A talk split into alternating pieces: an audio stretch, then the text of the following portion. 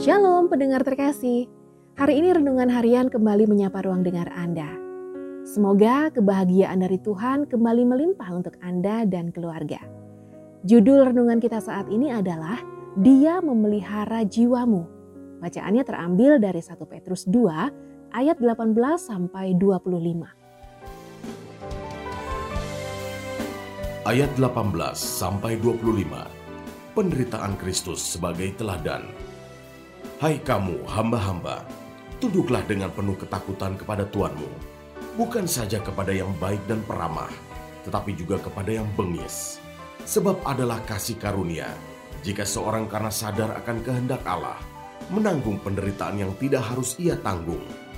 Sebab dapatkah disebut pujian, jika kamu menderita pukulan, karena kamu berbuat dosa. Tetapi jika kamu berbuat baik, dan karena itu kamu harus menderita, maka itu adalah kasih karunia pada Allah. Sebab untuk itulah kamu dipanggil, karena Kristus pun telah menderita untuk kamu, dan telah meninggalkan teladan bagimu, supaya kamu mengikuti jejaknya. Ia tidak berbuat dosa, dan tipu tidak ada dalam mulutnya. Ketika ia dicaci maki, ia tidak membalas dengan mencaci maki. Ketika ia menderita, ia tidak mengancam, tetapi ia menyerahkannya kepada Dia yang menghakimi dengan adil. Ia sendiri telah memikul dosa kita di dalam tubuhnya di kayu salib, supaya kita yang telah mati terhadap dosa hidup untuk kebenaran. Oleh bilur-bilurnya, kamu telah sembuh. Sebab dahulu kamu sesat seperti domba, tetapi sekarang kamu telah kembali kepada gembala dan pemelihara jiwamu.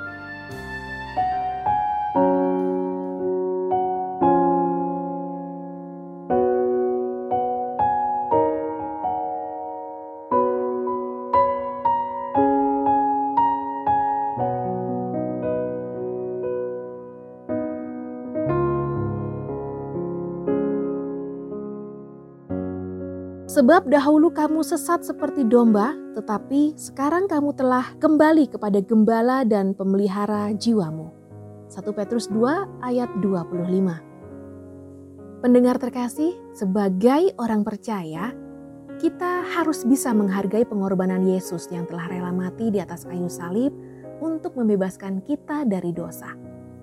Penderitaan yang Yesus alami menjadikan kita bisa kembali berhubungan dengan Allah Sang Pencipta kita. Dengan demikian, kita bisa menjalani kehidupan yang baik sesuai dengan kehendak Tuhan. Ketika dosa menguasai manusia, manusia tidak mempedulikan keselamatan jiwanya. Semakin kita berusaha hidup benar di hadapan Allah, maka kita semakin menjauh darinya. Itulah kenyataannya.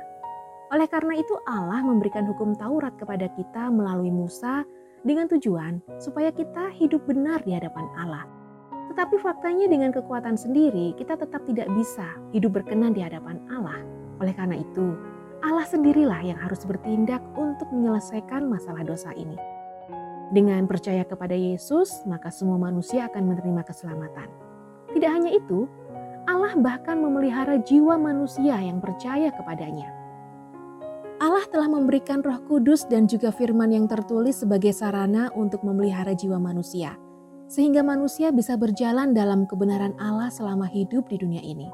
Pendengar terkasih, kebutuhan pokok dari jiwa manusia adalah bertemu dengan penciptanya, dan kebutuhan tersebut tidak bisa dipenuhi oleh siapa pun, kecuali oleh Allah sendiri. Ketika kebutuhan jiwa manusia terpenuhi, maka manusia akan menerima kebahagiaan yang sejati, kebahagiaan yang dari Allah yang Dia taruh dalam hati nurani manusia. Kebahagiaan seperti ini tidak akan bisa dirampas oleh apa pun dan siapa pun juga. Kiranya kita memiliki kebahagiaan tersebut sekarang dan selama-lamanya. Berbahagialah orang yang miskin di hadapan Allah karena merekalah yang empunya kerajaan surga. Matius 5 ayat 3. Tuhan Yesus memberkati.